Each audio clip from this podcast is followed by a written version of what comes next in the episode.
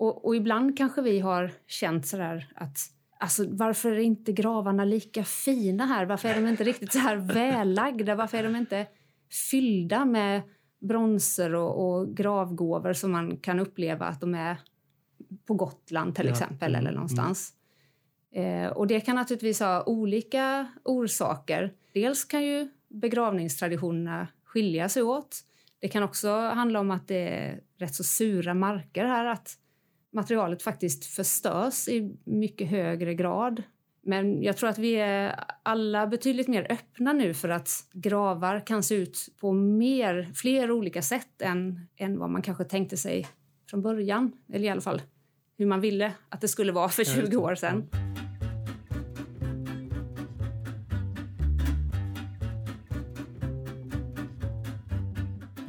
Din podd på jorden är Kulturparken Smålands podcast om Kronoberg. Här pratar vi om stort som smått inom länets kulturhistoria, från forntid till nutid. Hej och välkomna till din podd på jorden som är Kulturparken Smålands eh, podd om kulturhistoria i Kronobergs län.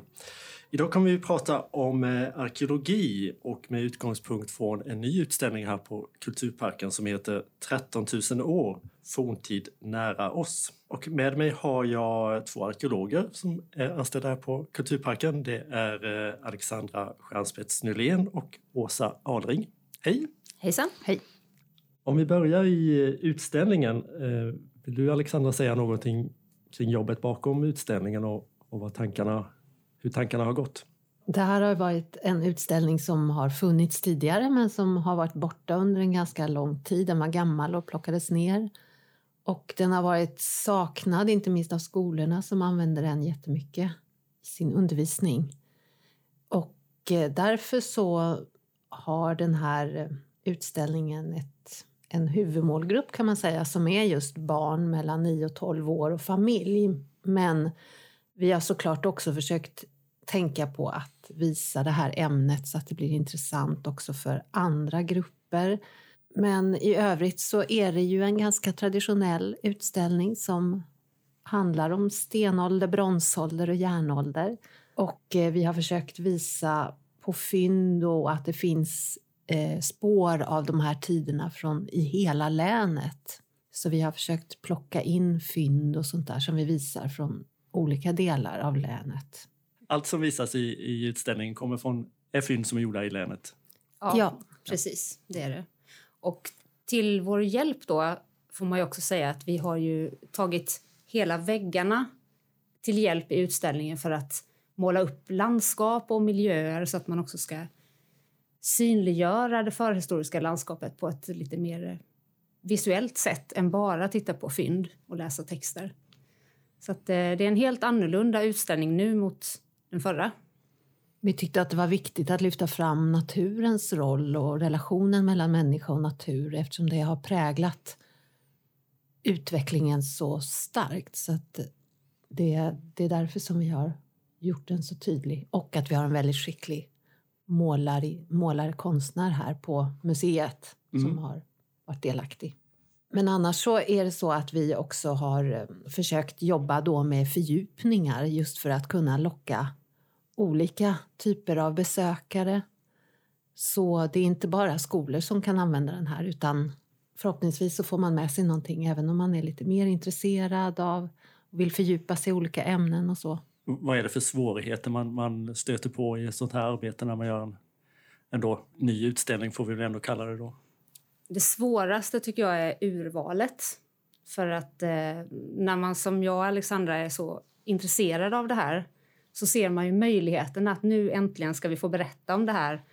Om man vill väldigt mycket och sen ska det in i den här utställningsförpackningen så man måste ju välja ganska mycket och hårt ibland. Och där blir det ju också spännande diskussioner. Vad är det som är viktigt? Vad kan man ta bort?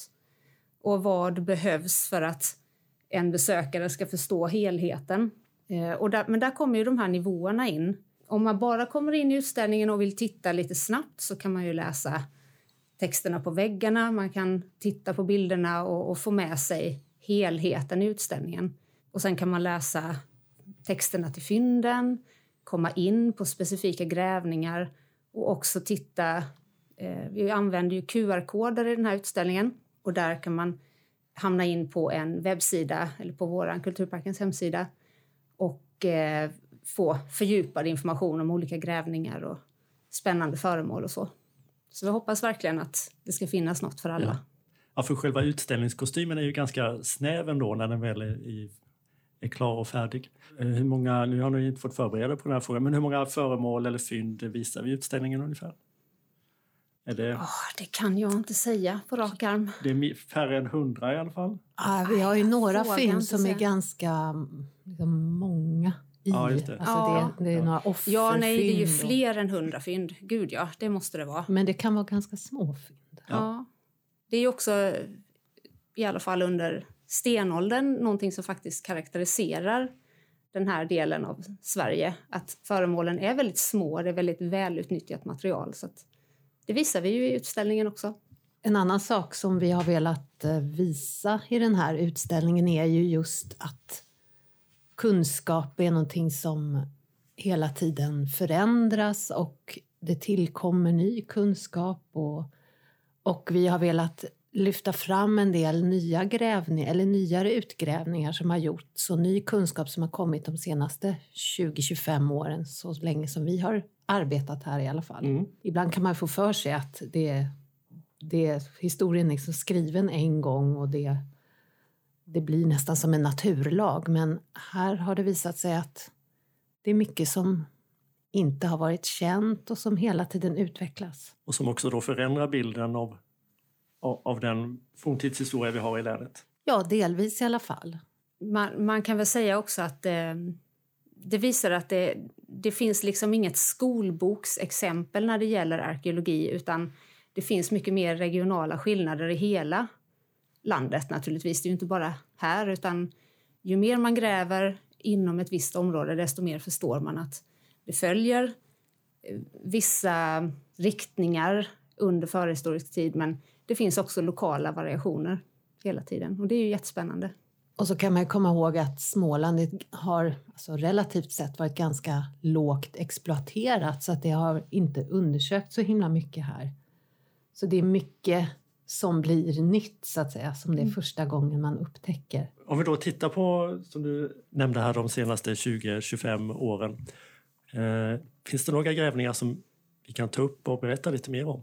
Det finns en jättespännande undersökning. Det är inte en grävning, men 2016 var det ett extremt lågvatten i Bolmen.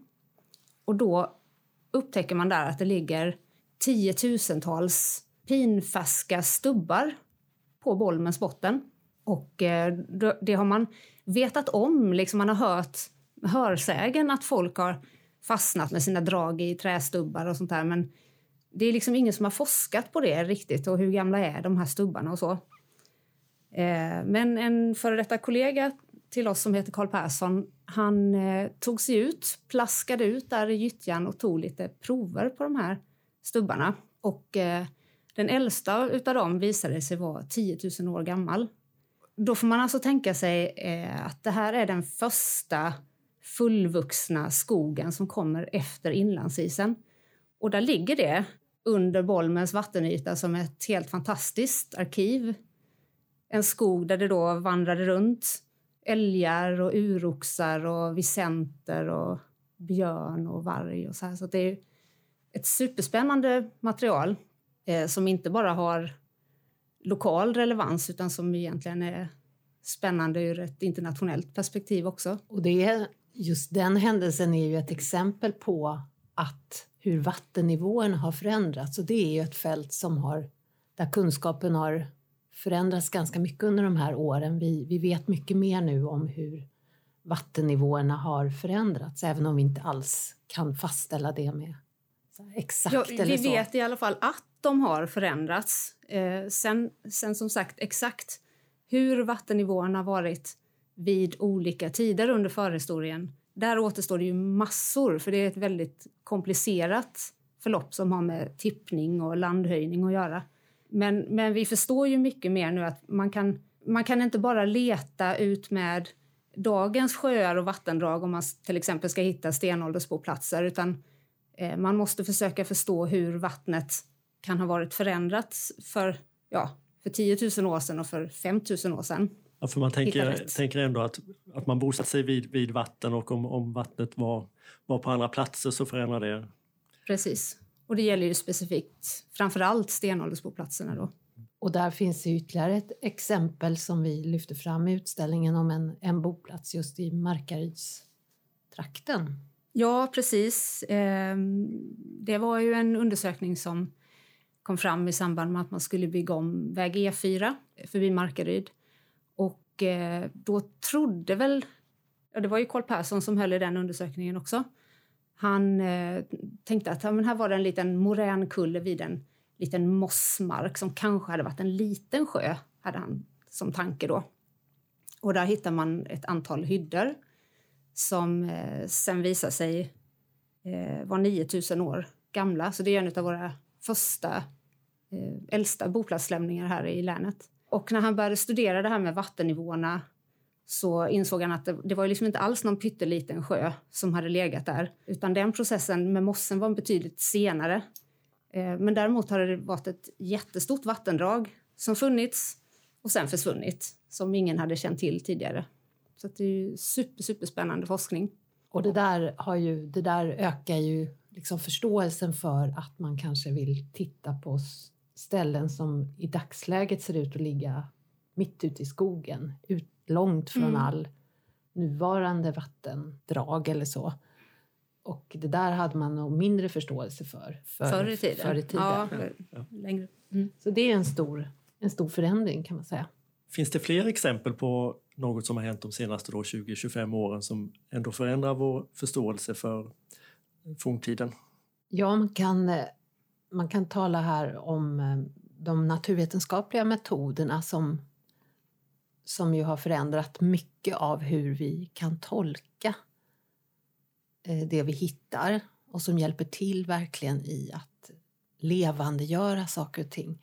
Det kan till exempel handla om kol-14-metoden. Den har ju funnits länge i och för sig som är en dateringsmetod. Men sen finns det också sånt som att titta på vilket, vilket träslag saker och ting är i. Och det finns också undersökningar, olika jordanalyser man kan göra för att se vad som finns för frön och pollen och sånt i jorden. Och det här kan säga mycket om växtligheten runt omkring. Mm. Och till exempel där så var ju ett exempel på hur det här kan fördjupa kunskapen är ju också samma grävningar här längs väg E4. Mm, utanför Ljungby var ju en Just spännande det. plats med en hällkista. Där grävde vi en hällkista som är en, en grav från yngre stenålder en väldigt stor anläggning och i mitten så ligger, finns då en kista av sten, av flata stenar. Eh, det fanns inget, inga rester kvar av människokroppen eller skelettet men man hittade något keramikkärl och eh, någon flint, något flintföremål.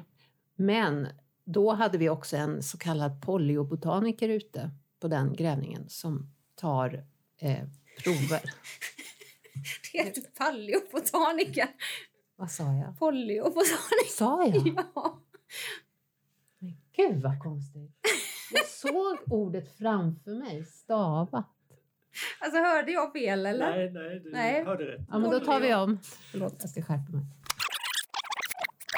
Och sen hade vi också en paleobotaniker med oss på den här utgrävningen som tog prover på jorden för att kolla av och också ta ja. prover i det här keramikkärlet. Men det visar sig då att i, över, inne i hela den här hällkistan så var det förhöjda halter av pollen från anemon som troligen var vitsippa.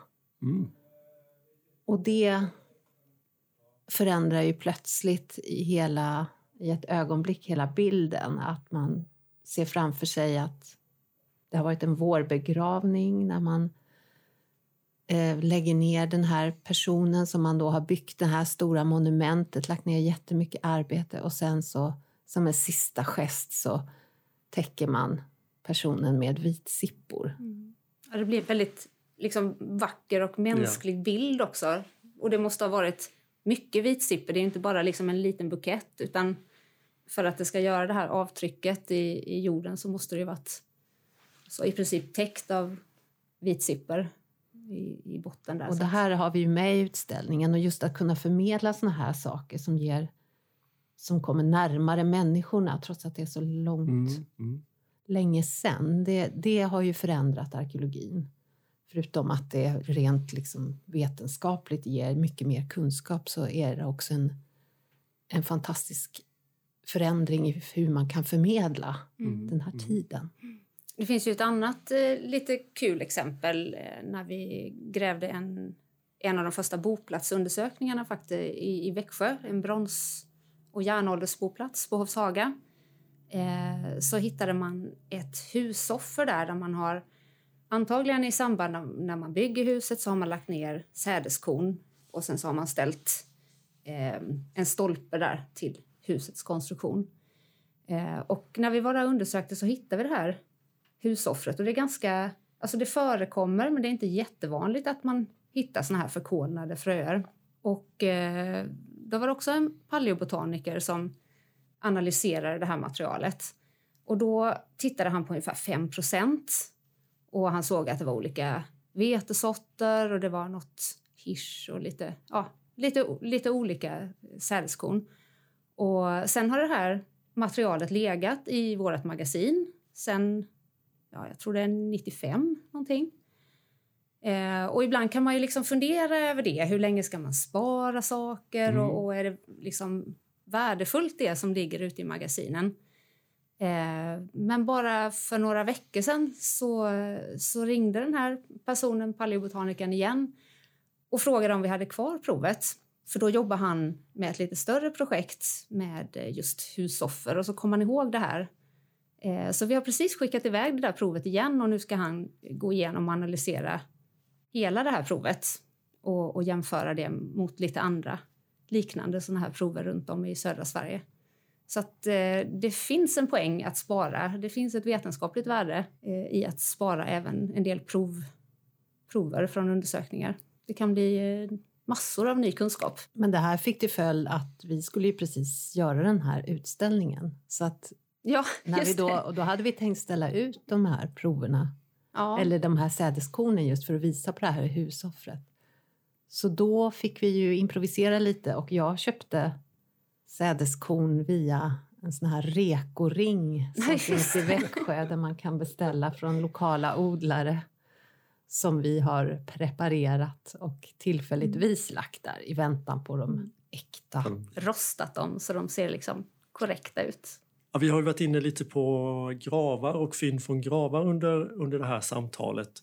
Och skulle du också vilja säga någonting om hur det kan skilja sig från olika gravar eh, emellan? Regionalt eller eh, skiljer det sig med vad man upptäcker i, idag kanske mot vad man gjorde på en grävning som var, låt oss säga för 50-60 år sedan? Alltså vi, har, vi har ju vetat att det finns regionala skillnader i gravskicket eh, under vissa perioder. Till exempel under yngre järnålder så ser man ju liksom en tydlig skillnad i Ljungbytrakten mot hur gravarna ser ut här kring Växjö och i centrala Värend. Och det har man ju känt till länge. Eh, men det som har blivit tydligare kanske de här sista 20 åren det är att gravarna kanske inte riktigt är så som efter skolboken alltid. Eh, utan att det finns ganska mycket lokala variationer.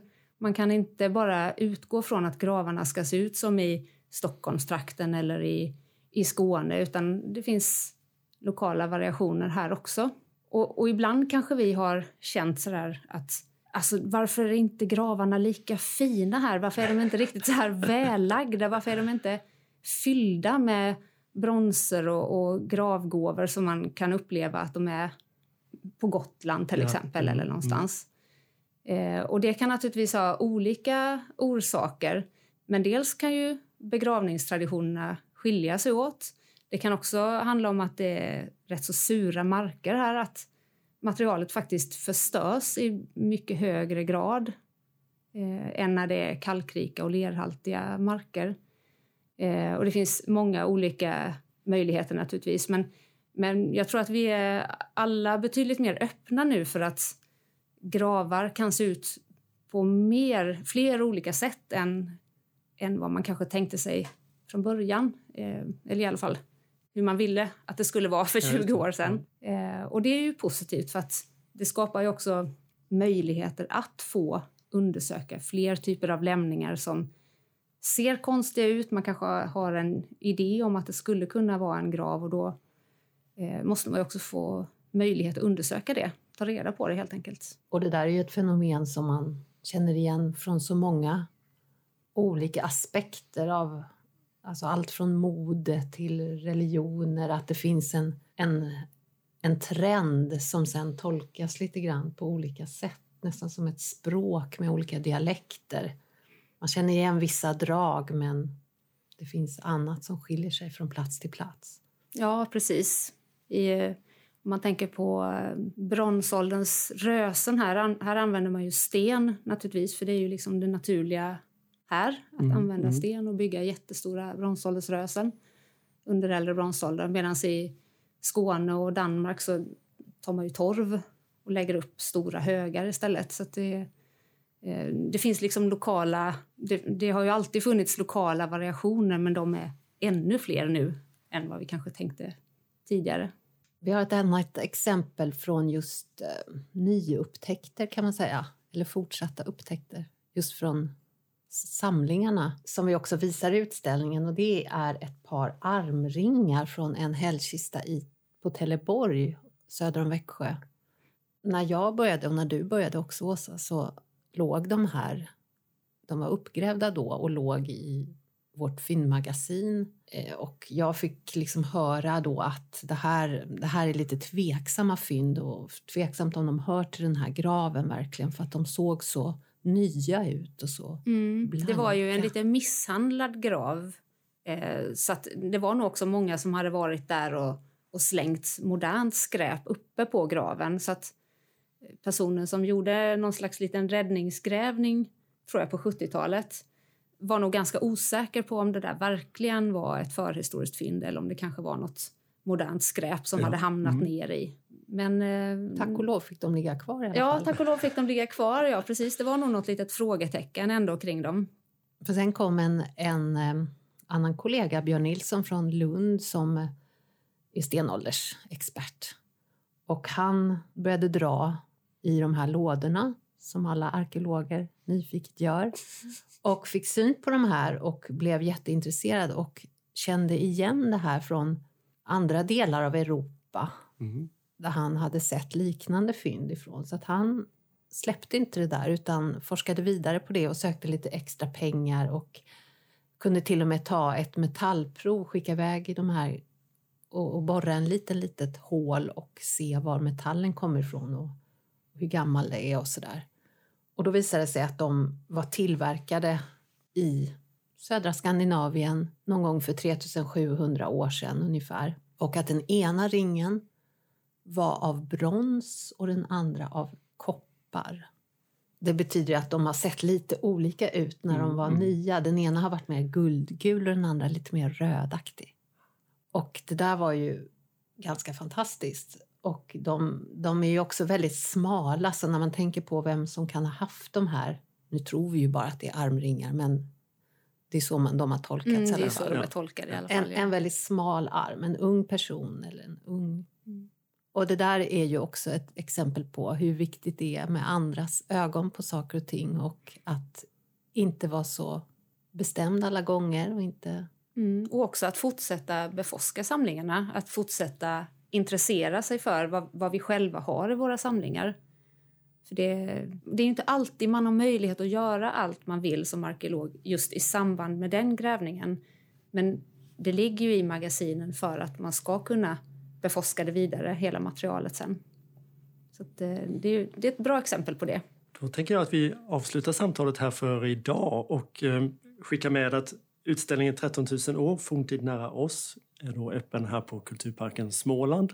Och närmast så har vi ett höstlov framför oss och den 26 oktober som är första måndagen på höstlovet så kommer vi ha guidade visningar i utställningen som då riktar sig till just den här målgruppen mellanstadiet eh, plus minus några år kan man väl säga. Eh, så då får man gärna komma och då är det du Alexandra som kommer guida i första hand. För hela programmet för den dagen så kan man gå in på Kulturparkens hemsida och uppdatera sig. Ja, tack så mycket Alexandra och Åsa för det här samtalet och vi hörs säkert snart igen här i podden. Det gör vi. Mm, Hej. hej. Pa- padden.